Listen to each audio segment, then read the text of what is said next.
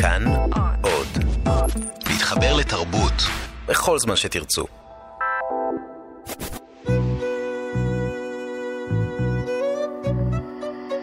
ליסה פרץ משוחחת.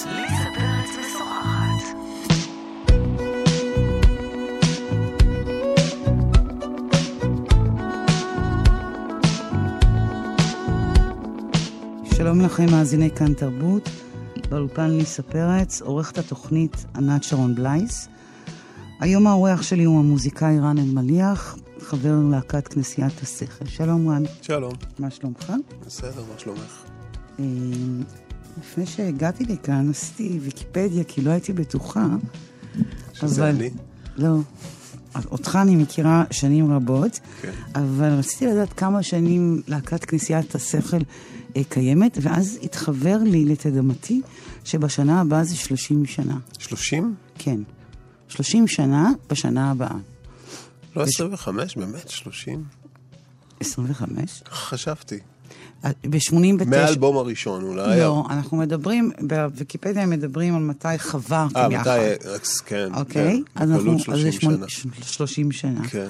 ואתה יכול לספר לי, אה, אתה זוכר את הרגע הזה שבו אתם פוגשים אחד את השני ואומרים, אוקיי, יש להקה? אמ, בני כמה הייתם אז?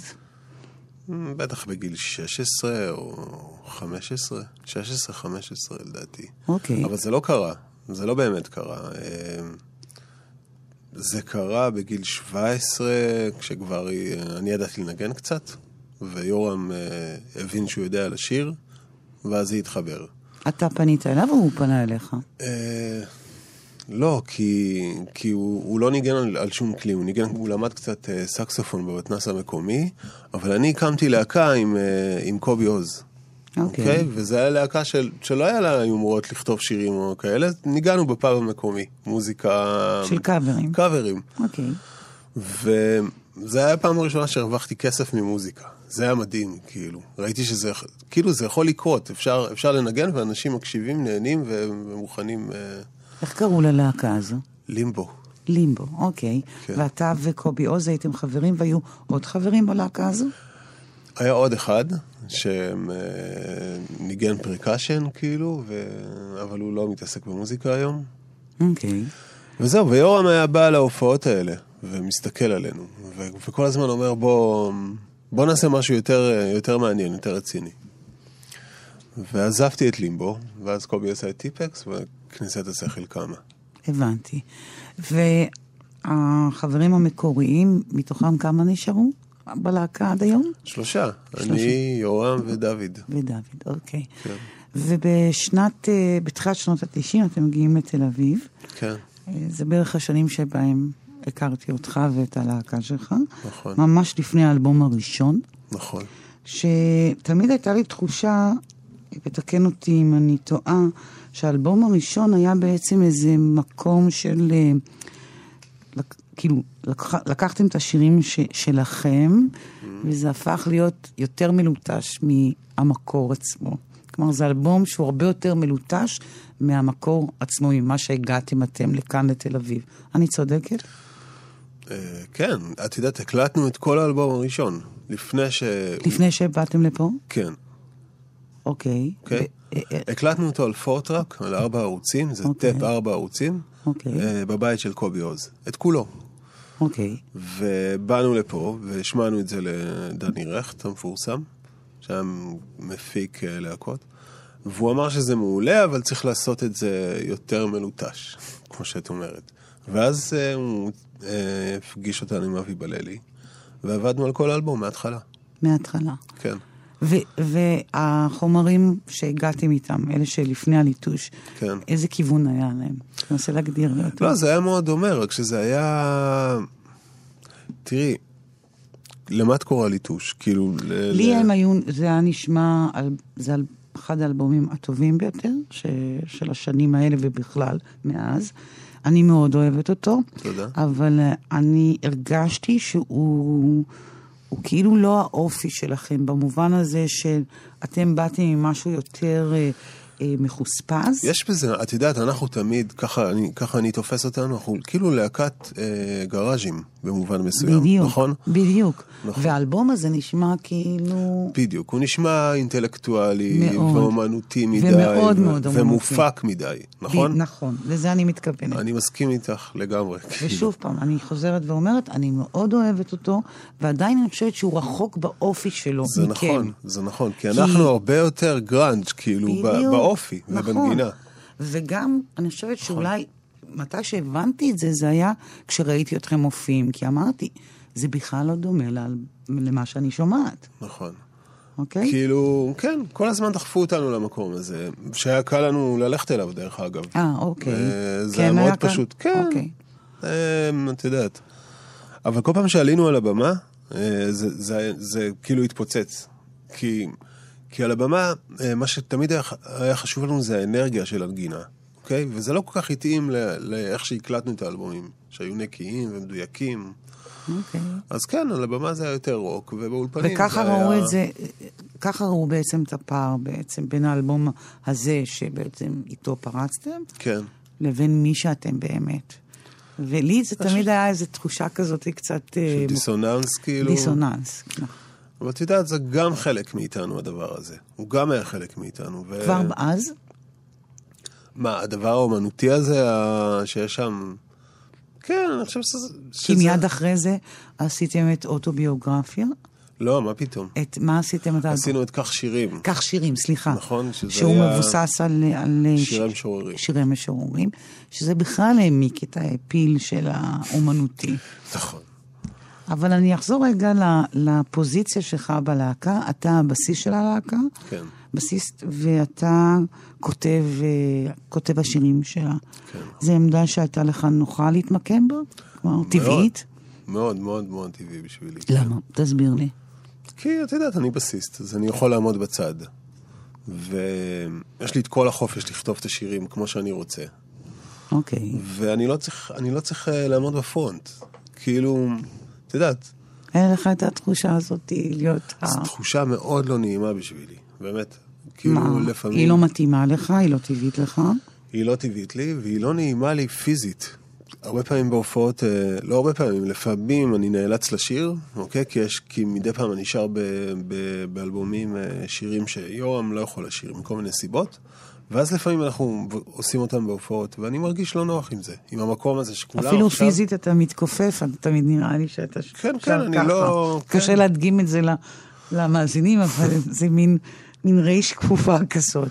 אני חושב שאני, כאילו, זה כל היופי בלהקה, שלכל אחד יש את העמדה שלו, ולא כולם חייבים להיות בפרונט. וגם לא, אני לא חושב שזה מתאים לכל אחד. אתה בכלל נראים לי, אה, תמיד היית- הייתה נראית לי הלהקה שלא מתאימה להיות בפרונט. כולם אנחנו כפופים לא, משהו אנחנו לא מתאימים להיות בלהקה. בלהקה. למה מה- למה אתה אומר את זה לא בעצם? סתם, אני אומר, אם כבר הולכים בשביל הזה, אז אחד לסוף. אבל אני מדברת על הפוזיציה של, של הכתיבה, ששם אתה מרגיש כן מאוד טבעי לך. שם זה, את יודעת, זה גם, זה שיורם שר את מה שאני כותב, מאפשר לי אה, להגיד מה שאני רוצה. כי אז במפגש עם הקהל, זה יוצא דרך הפה של יורם. ואז יש לי הרבה יותר חופש. אם אני הייתי צריך להגיד את מה שאני כותב, אני חושב שזה כן, יותר קשה לי. כן. והכתיבה הזאת, על מה היא נשענת? על היכרות עמוקה עם שירה, עם ספרות, עם, עם אה, פזמונים של זמרים ולהקות אחרות? איזה עולם אתה בא של כן, כתיבה? זה, זה כנראה מישמש של כל הדברים שהייתי, אה, שנחשפתי אליהם. ועדיין, ותוך כדי גם עדיין נחשף אליהם. מה זאת אומרת? תוך כדי כלומר, כתיבה? כאילו, היום... עם השנים, כלומר, אתה צובר עוד איזה ידע, נכון? של כתיבה. אני לא חושב שכתיבה באה ממקום של ידע, למרות ששירה... באמת? תרחיב רגע על הדבר הזה. כי זה לא בא משם, כי שירה אמיתית לא באה משם. אחרת, נגיד פרופסורים לספרות היו יכולים לכתוב ספרים נפלאים, ואנשים שלמדו שירה יכולים לכתוב שירים נפלאים, אבל זה לא עובד ככה. אוקיי. נכון. כלומר, אתה מדבר על משהו שהוא אינטואיטיבי בכלל. לא בהכרח אינטואיטיבי. הרבה פעמים אה, זה תהליך מודע, לא תמיד הוא אינטואיטיבי. כלומר, אתה יושב ואתה לא- כותב שיר. כן, אני, אני יודע שאני הולך לכתוב שיר. אני לא הולך ברחוב ובא לי שיר. אוקיי. כן, אני יודע שאני הולך לכתוב. כי הבא לי שיר נשמע לי קצת באמת פוזיציה רומנטית, כאילו בא לי לכתוב את השיר. כן, כאילו שזה משהו, אה, שזה זה, זה לא בא במכת ברק אף פעם. אבל אני חושב שכאילו כתיבה זה תהליך שהוא תת-הכרתי, אוקיי? אז יש פה... היית יכול טוב, להיות... זה קצת אבסורד, שהוא גם מודע וגם תת-הכרתי, אבל זה נכון. אוקיי, אולי זה כאילו התפקיד, המקום של אה, שיר שהוא פרדוקסלי, המהות שלו באיזשהו אופן. אני חושב, כן. היית יכול להיות בלהקה ש, שבה לא שרים את השירים שלך? כלומר, רק בתור איזה בסיס? לא. לא, זה לא היה קורה. לא היה קורה? לא, אלא אם כן זה היה ממש, ממש, ממש, ממש, ממש... אה, וגם אז, אז מה, אז בשביל מה? כאילו. אני גם לא, אף פעם לא ראיתי את עצמי כבסיסט, אוקיי? כל הזמן ניסיתי להימנע מלהיות בסיסט טוב. קשה אה, לנגן במשך 30 שנה ולא להיות טוב בסוף, אוקיי? נכון. בסופו של דבר פתאום הבנתי שאני כן יודע לנגן טוב. אבל למה נמנעת ניסיתי כל להימנע השנים? מזה. כי זה כאילו נראה לי הפרעה. כל הצד הטכני של הנגינה נראה לי סוג של הפרעה. כאילו שזה לא שייך לעניין, שזה לא שייך למה שאנחנו עושים, הטכניקה. אוקיי. זה נראה לי, אה, כאילו ברגע שאת לומדת משהו, זה, זה כופה עליך, בתוך התהליך יצירה להשתמש בו. אוקיי. ואם את לא יודעת, אז את כל הזמן מחפשת. ולא ניסית להיות יותר טוב, וגם לא השווית את עצמך לבסיסטים אחרים? לא, בכלל לא ראיתי בעצמי בסיסט, באמת. זה היה סוג של ג'וב כזה, מישהו ש...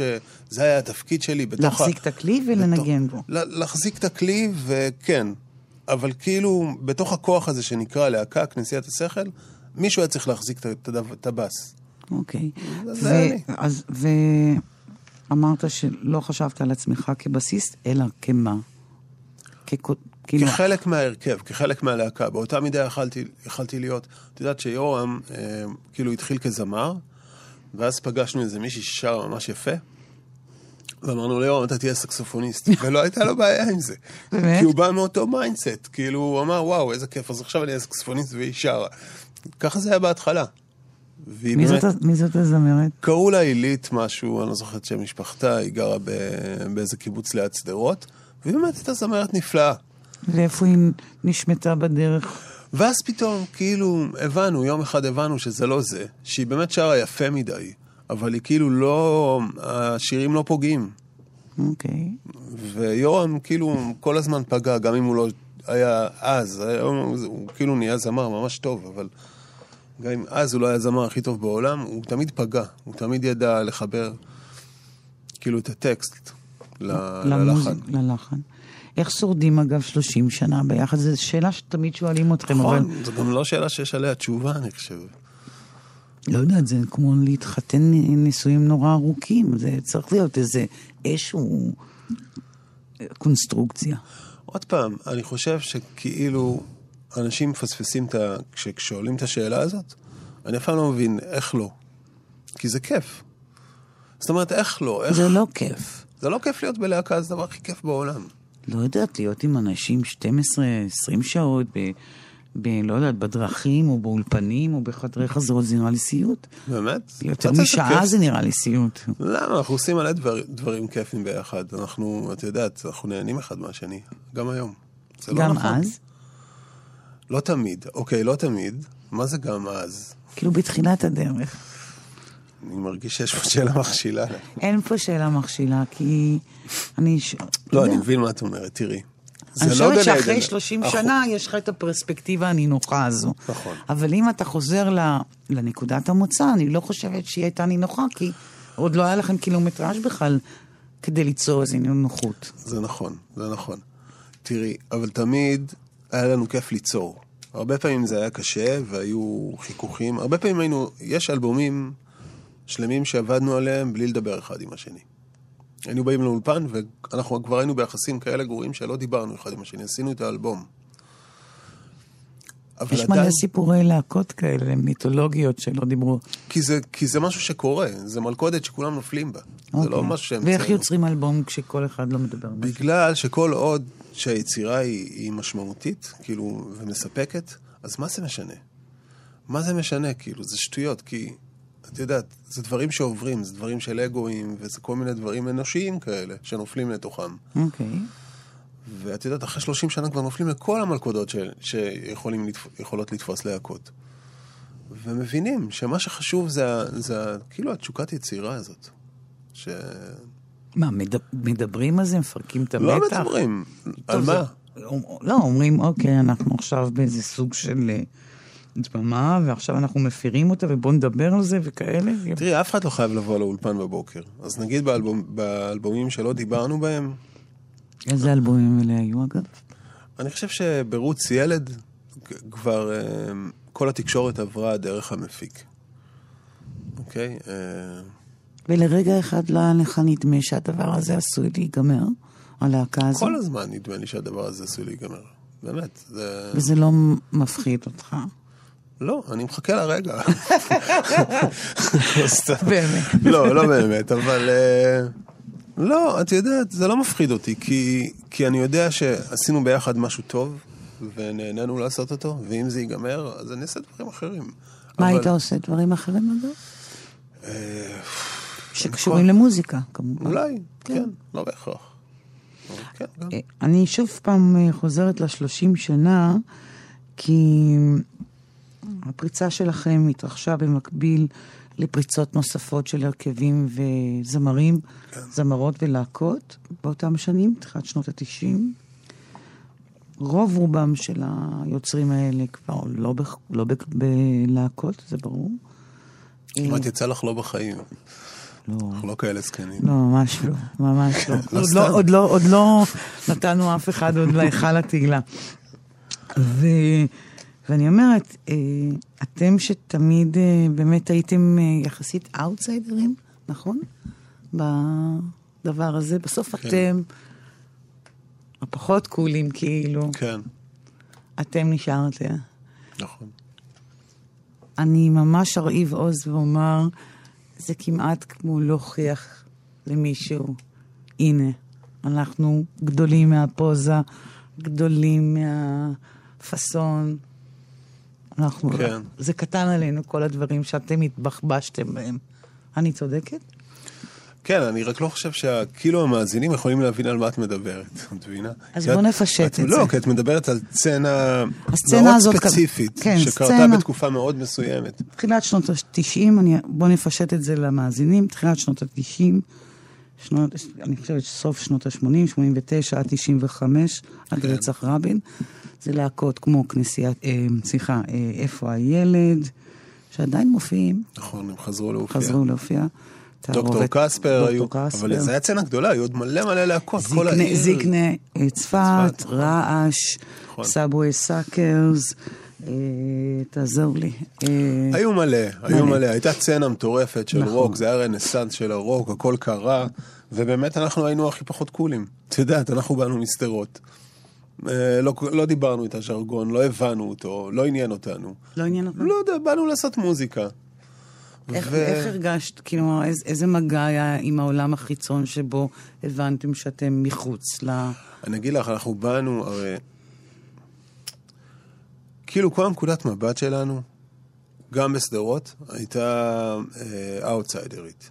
אוקיי? כי גם שם לא היינו הדבר הכי, הכי נכון למקום, נכון? וכשבאנו לתל אביב, כבר היינו בעמדה הזאת, אז זה היה לנו מאוד נוח להיות עוד, זה משבצת שהכרנו. זה משבצת, שהכרנו מהבית. אוקיי. וזה מקום טוב להיות בו, אני חושב, ליוצרים. כי המבט הזה מהצד הוא מאוד בריא. זה אוקיי. גלות כזאת בריאה. אז נכון, זה, זה גלות אה, רוחנית כזאת שמס, ש, שחיים איתה. אוקיי. וזה מאוד בריא ליוצר. כל הזמן להסתכל על הדברים מהצד, זה נותן פרספקטיבה, זה נותן איזון. זה לא מעורר קינה ו... ואמביציה ו... ומרפקנות. זה לא, לא, לא. ההפך. זה כאילו, כשבאנו לתל אביב, שמו אותנו במשבצת שהיא הכי נוחה לנו. שהיא הכי נוחה לנו, שהיא היא לא במרכז העניינים והיא מחוץ ל... כאילו ל... למ... ל... למרכז. כן, למרכז. וזה היה, זה, הרבה אנשים לא אהבו את זה. את יודעת, הצבענו המון אנשים. מה זאת אומרת אה, אנשים? כאילו אנשים לא אהבו את זה. ש... אה, ש... כאילו שזה דווקא קורה לנו. כאילו, ב... אני חושב שבתוך הסצנה הזאת, אנשים הרגישו שאנחנו הכי פחות ראויים להצלחה הזאת. וואלה. כן. זה נורא מעליב. לא, זה לא מעליב, זה... זה, זה מעליב נורא. כן, כמבט חיצוני, אם אתה לא מפנים את זה, ברור, אבל כן. בפני עצמו נראה לי שיש בזה משהו מעליב. ואני מתמקדת בעוד שאלה אחת קטנה שקשורה לזה. אני ארחיק לכת ואומר שהייתה איזו הגמוניה יחסית אה, לבנה, תל אביבית. וכן, זה היה מאוד מאוד שונה לבוא מ... ממקום שהוא מחוץ לתל אביב, שהוא פריפריה. ואני חושבת שגם זה תרם למבט עליכם. אה, או ל... יכול, יכול להיות, למרות ש... בל נכחיש. אה, אתם לא... אה, כלומר, איך שאני ראיתי את זה בזמנו, זה, אם הייתי צריכה ליצור איזה מפת קשרים, זה היה נדמה לי שכאילו אחד שם מכיר את השני, או למד עם השני, או נכון. גדל בעיר אחת נכון, ליד השנייה. נכון. והייתה לי תחושה חזקה שדווקא אתם, אתם לא מהדבר הזה. גם המקום שבאתם ממנו, גם, אתה יודע, מי שאתם, המוצא שלכם, זה, אתם לא ב club הזה. לא. ולא מכניסים גם כל כך מהר ל club הזה. אה, כן. ואז אז עוד גם לא הייתה אה, מודעות או שיח מסוים של אה, פוליטיקת זהויות, אחר כך נגיע לזה. אבל אה, זה היה מאוד ברור שככה זה, שזה club סגור. נכון, אבל זה תמיד... וזה לא נאמר, זה בטח לא נאמר, אבל זה מין תחושה כזאת. את יודעת, זה כן... ההוא למד עם ההוא בעירוני י"א, שלמד עם ההוא באומנויות, שלמד עם ההוא בתלמה, שהם אה, שירתו בגלי צה"ל, שהם גם שירתו במחנה, שהם גם גדלו יחד בג'ורג' אליוט ובשנקין. אני מכיר את הבן אדם הספציפי שדיברת עליו, דרך אגב. אנחנו מכירים, יש. כמה כאלה. כן. ואני אומרת, זה כן טעם. איך שאני ראיתי את זה מבחוץ. זה נכון, זה נכון. את יודעת, כשאת גדלה בעיירת פיתוח, את רג, רגילה, את באיזשהו מקום רגילה למבט הזה עליך. את מבינה? אני לא אומר, לא אומר שהפנמנו את זה, כאילו, או שקיבלנו את זה, אבל, ברור. אבל זה משהו שאת גדלה איתו. המבט הזה של אה, וואו, הם יודעים, ל- את יודעת, הם יכולים לנגן ולנשום באותו זמן, ומשדרות. באות, את יודעת, הם יודעים ש- לכתוב, זה הם- מטורף. כן, הם, הם כותבים, הם מחברים שורה לשורה. לשורה, והם יודעים שירה. אז כן, כן, זה, זה משהו ש, שכאילו לומדים לחיות איתו. לומדים לחיות איתו, ו... אני חושב שזה בא מבורות, באמת, כל, ה, כל הדבר הזה הוא בא מבורות. היום יש את ה... בעיקר, את יודעת, בעיקר בקטע של הרוק, שמי שיודע מה המקור האמיתי של הרוק בישראל, יודע באיזה מועדונים ברור. ואיזה אומנים המציאו את זה. ברור. הם, אז זה לא שייך. לא, ברמלה, יפה, ביפו, במסגר. במסגר. אנחנו ברור. יודעים בדיוק מי האנשים ומה שמות משפחה שלהם. לא, זה- אז זה כאילו הדבר המדהים, הרוק. פתטי, נכון, שכשעושים כל מיני סדרות דוקומנטריות על, על ההיסטוריה של הרוק, תמיד נתקעים, עם כל הכבוד, באריק איינשטיין ושלום חנוך, אבל זה לא שם, זה לא התחיל שם, אוקיי? ברור. כי גם הנגנים שהם לקחו באו מהמועדו- מהמועדונים האלה. אבל אז זה נחשב זול, כי זה היה... תגיד, כן. אה, הזהות ה- הפריפיאלית הזו מצאה את דרכה אל תוך השירים והמוזיקה שלכם? אני חושב, אני חושב שכן. אני חושב שכן. אני, אני באופן אישי יכול למצוא לזה... אני לא אוהב לדבר על טקסטים ועל דברים ספציפיים בזה, אבל כן, את יודעת, אה, לא קשה למצוא את זה שם. אוקיי. וזה לא דבר שהחצנתם, נכון? זה לא היה מוחצן אצלכם, התודעה הזו של לא, לא. לא, זה לא והיום, משהו... 30 שנה אחרי, שאתם נטועים בתוך איזה שיח תרבותי שכן, אתה יודע, אה, קורא מחדש את, ה, את המציאות. כלומר, זה, זה משהו שיש לכם מודעות אליו, לך באופן אישי. תראי, לי באופן אישי מאוד, תמיד היה. אמ, אבל זה לא איזה דגל שאנחנו, שאנחנו מרימים בתור להקה, אוקיי? אני לא חושב שזה התפקיד שלנו. יש אומנים היום, אומנים צעירים ש, שלוקחים את זה על עצמם ועושים את זה בצורה נפלאה, אבל זה לא, זה לא דגל שאנחנו מרימים. אתה לא מרגיש שייך לשיח הזה? לגמרי, לגמרי. אתה מרגיש שייך? בטח. אני לגמרי מרגיש שייך, ואני חושב שהתפקיד שלי זה לעורר עוד ועוד אנשים לתוך השיח הזה. ולקח לי המון זמן לעורר את יורם, למשל. שלא, שאת יודעת, כל מה שאת uh, מתחילה לדבר על עובדות, אנשים צועקים השד העדתי. וכאילו זה משעמם עד נקודה מסוימת, ואז נופל להם האסימון. וליורם היה לקח לך זמן... הרבה זמן. לפתוח כן, זה אצלו? כן, ויותר קשה את עמי, שהוא בכלל קיבוצניק מגבעת ברנר. אבל גם טוב, אותו... זה ברור שזה, כלומר, הוא בכלל לא בתוך הדבר עצמו. הוא בצד השני. הוא בצד השני. אבל יורם, אתה אומר, זה, זה, זה חלק מה... למה, למה אתה חושב ש... סתם, אני לא רוצה שתדברר אותו, אבל mm-hmm. תוכל להסביר לי למה אתה חושב שכן יורם היה יותר סגור ממך על הדבר הזה? אני חושב שבאיזשהו מקום המערכת, אה, את יודעת, באיזשהו שלב הייתה יותר חזקה מהפרטים. כאילו, אנחנו גדלים בתוך מערכת שמלמדת אותנו, שלימדה אותנו, אה, שזה לא דבר ראוי לדבר עליו, ו... ולשים על השולחן, ו... ככה לימדו אותנו, לא? ככה לימדו אותנו בבית ספר, ככה אנחנו רואים בפרסומות, ככה אנחנו רואים בטלוויזיה, זה כל הזמן שם. נכון. לא צריך לדבר על זה, זה לא ראוי. לא, עד, אנחנו חלק. מזה. לא, אנחנו חלק ממשהו מותח. אנחנו בכלל נכון, אין לנו, נכון, אין נכון, לנו נכון. בכלל איזה משהו שהוא שלנו. כולנו ישראלים, עלים, כולנו אותם ישראלים. נכון, כולנו אהבנו את אותה המוזיקה. כן, לכולנו יש את אותו זמר לאומי. בדיוק. אז זהו, שלא, מסתבר שלא. אבל, את יודעת, אבל צריך... אה, את יודעת, יש מלא... כאילו, נגיד בבית ספר, הייתי צריך לגלות את המשוררים המזרחיים לבד. אף אחד לא לימד אותי ש... שהיו משוררים מזרחיים. אני לא מדבר על דברים מהביניים, אני מדבר על דברים עכשוויים שקרו פה. מתי גילית אותם? אז אני אומר, ה... כאילו הייתי צריך ללמד את עצמי, ללכת ולחפש אותם. באיזה גיל זה קרה? נגיד 30, 35.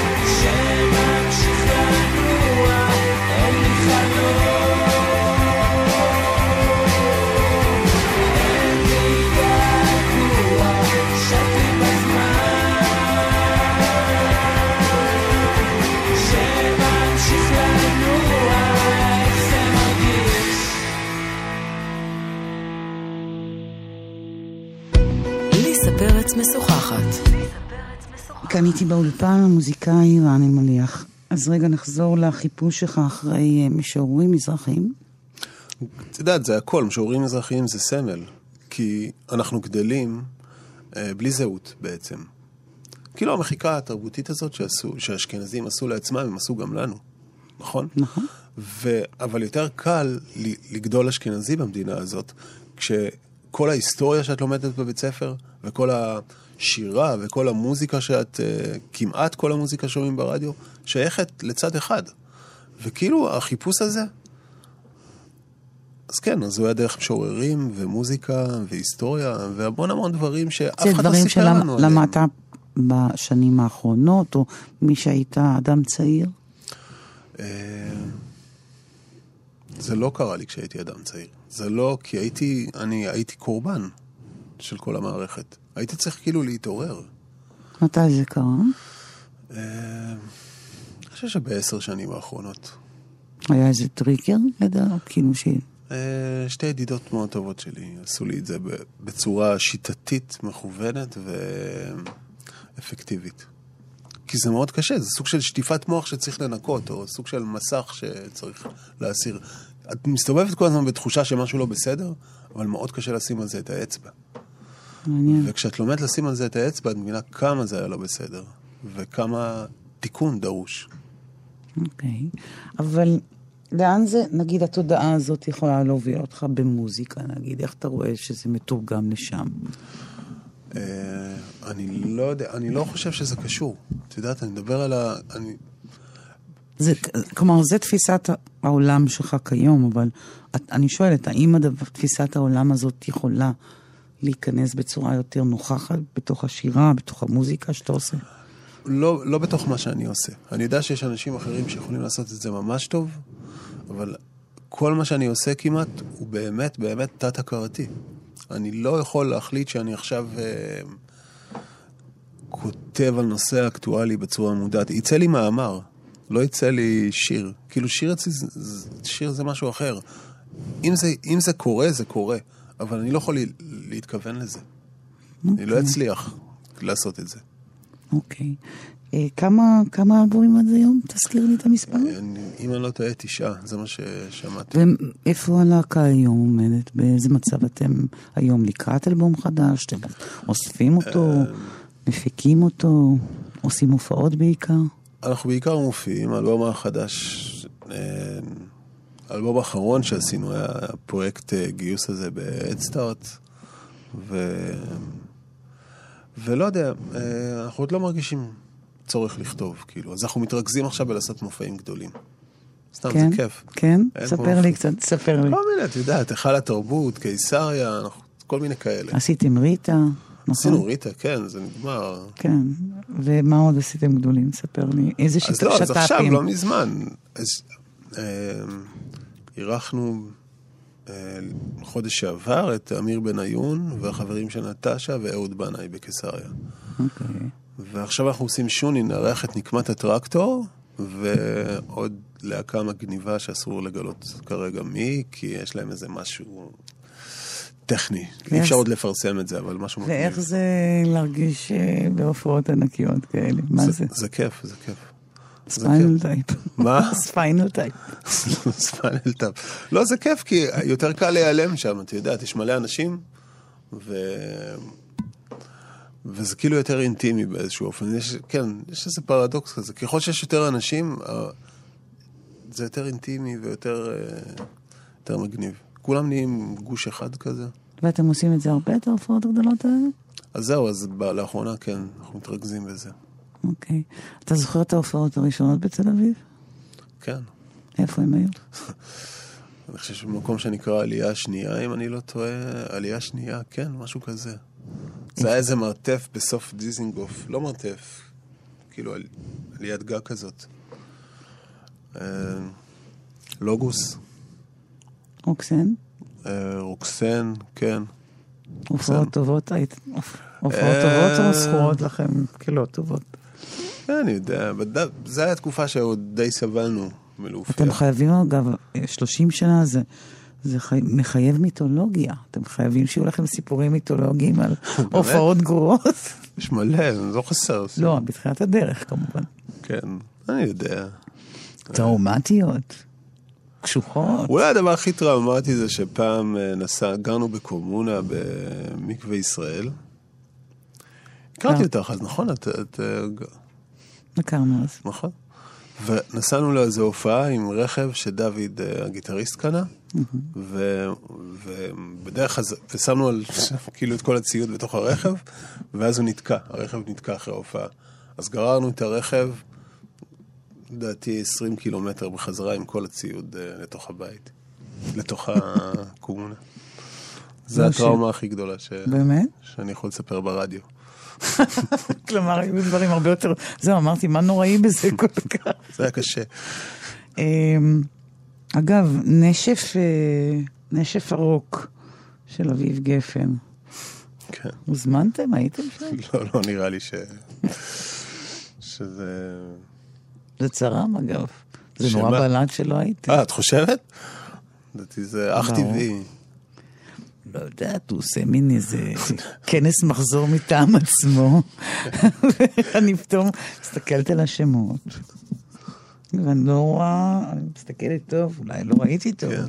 אני לא לא. חושב שאנחנו ואביב גפן עובדים באותו מקצוע, בכל הכנות. לא נראה לי שהיינו מוצאים את עצמנו בערב כזה. ולו רק בשביל הנוסטלגיה. לא.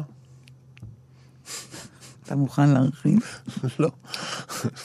לא באתי לדבר על... אה, אוקיי. אמ, סולו. חשבת פעם להיות בקריירת סולו? אה, ללכת לכיוון הזה? לא יודע, יש לי כל מיני שירים שכאילו נאספו עם, הזמ... עם השנים, שלא לא הגיעו לכנסייה, אבל כל פעם שאני מתחיל לעשות איתם משהו, אני פוחד שאני אצטרך להופיע איתם, אם אני, אם אני אקליט אותם. אוקיי. את מבינה? וזה עוצר אותי. אז אני לא יודע. מבינה? כלומר, רק העניין הזה של ההופעה מונע מבח... מבעדך להיות אה, בעצם בקריירת סולו, אם אני מבינה נכון. כן, כאילו להיות במרכז העניינים, לעלות על במה ולקחת את כל האחריות על הכתפיים ושכולם יסתכלו עליי, כאילו זה נראה לי אה, לא נעים. אבל זה, זה מין תשוקה שאתה מנהל את הדיאלוג, או שאתה, אתה יודע, כובש אותה באיזה מקום אין נידח אצלך? אני יודע, זה כמו... שומר אותה, ל, נאמר, לגיל 50, 60, אני יודע. לא, לא, אני לא... זה לא משהו, תראה, אני... אה, זה לא שחסר לי משהו בתוך המקום שלי בכנסייה. אני, אני באמת הכי נהנה לכתוב שירים. ולכתוב מוזיקה. אז אני... כי אתה כאילו גם, וזה המקום לציין, אתה גם עושה מוזיקה לקולנוע, נכון? עשיתי, כן, עשיתי איזה סרט אחד, נכון. ואני עושה עכשיו איזה סדרת אה, טלוויזיה שהולכת טלוויזיה. לצאת. כן. אוקיי. אה, זה לא משהו שאני מתעסק איתו באופן אה, שוטף. אתה לא פוזל פעם. לכיוונים האלה, לא, כלומר. לא, לא. מדי פעם אם מציעים לי וזה מעניין וזה מגניב, אז אני אעשה. אבל זה לא... זה לא כיף כמו לכתוב שיר, נגיד. אוקיי. זהו, זה נראה שאתה עוב- אתה עובד ממש בדבר הזה שקוראים לו כנסיית השכל, ורק בזה. וכמעט לא בוגד בה. כן, זה לא אישה, את יודעת. מה זה לא בוגד? אה, לא מתכוונת ליטרלי. לא, אתה יודע- כרעיון. אז אני אומר עוד פעם, אני מרגיש ממש אה, אה, מסופק מבחינה יצירתית שם. עכשיו, לא תמיד, כן? לפעמים יש דברים שאני, שאני כותב שלא יכולים לעבוד בתוך הדבר הזה שנקרא כנסיית השכל. זה קורה. ואז הם יושבים על המחשב. אולי פעם אני אעשה עם זה משהו. ואתה יודע שהם לא מתאימים לכנסייה. אה, זה, זה פשוט לא יכול לקרות עם הכנסייה. זה משהו שיש יש כאלה דברים, כן. לפעמים אני עושה ניסיונות ומביא להם את זה, והם לא יודעים מה אני, מה אני רוצה, הם לא מצליחים להבין מה אני רוצה מהם. אני צריך לעבוד בגבולות ההבנה. כלומר, אתה גם עובד בלכתוב שירים וגם להסביר אותם להם. לא, לא תמיד, לפעמים, את יודעת, כי, כי, כי גם, גם להם יש איזו תפיסת עולם על איך אנחנו צריכים להישמע. ואם אני מביא איזה משהו שהוא לא מסתדר בתפיסת עולם של כולנו, אז זה לא יכול לקרות. כי זה יהיה מאולץ, זה יהיה כפוי. יש לכם דיבור כזה של... אה, אה, שאתם אומרים, אוקיי, עד גיל זה וזה נהיה ביחד, ננגן, נהיה להקה, ואז נתפרק? או לא, איזה למה? הבטחות כאלה של עד 120. לא, אתה יודע, זה כל כך כיף להיות להקה, אנחנו... אפילו המנהלת הצגה שלנו, כשהיא באה להופעות, היא אומרת, וואו, איזה כיף. את יודעת, יוצאת קצת מהשגרה הרגילה של, של הבית, כאילו. הולכים, משחקים פוקר, שותים, נגנים, ג'אמים. יכול להיות יותר רע מזה, כאילו, יותר טוב מזה. מארחים אנשים שאתם אוהבים לשיר איתם. כן, מוזיקה, רוקנרול, מה רע בזה? למה צריך להתפרק? אנשים מתפרקים כי... כלומר, אתה מבין את הרולינג סטונס בסופו של דבר. ברור. כן? הם לא חייבים, נכון? הרולינג סטונס ממש למשל, לא הכי לא חייבים. חייבים. יש מלא דוגמאות כאלה. ממשיכים. לא, הם תמיד, בעיניי, באמת, כמעט שוברים שיאים מבחינת שנים. לגמרי, ברור. ונראה לי שאתם בדרך להיות שם במוזיקה הישראלית. זה עוד יכול לקרות. כי משינה כן התפרקו וחזרו, נכון? כן. אבל אתם, נראה לי שאתם אוחזים בשיא הזה. זה עוד יכול לקרות, את יודעת, שנמצא את עצמנו באמת בגיל 60 פלוס, על הבמה מנגנים, כאילו. זו, תמונה שמשמחת אותך לראות את זה בראש? האמת היא שכן, אני לא רואה את עצמי עושה משהו אחר בגיל הזה. מה אני אעשה? נהג משאית, כאילו. וזה נראה לי ממש, עם המשפט הזה, צריך לסיים את התוכנית. אוקיי. רציתי להגיד לך תודה גדולה רבה, רן. תודה לך, היה כיף. עד כאן השיחה עם המוזיקאי רן אלמליח, חבר להקת כנסיית השכל. באולפן ליסה פרץ, עורכת התוכנית ענת שרון בלייס. אתם מוזמנים להאזין לתוכנית הזו ואחרות באפליקציית כאן אודי. תודה לכם ולהתראות.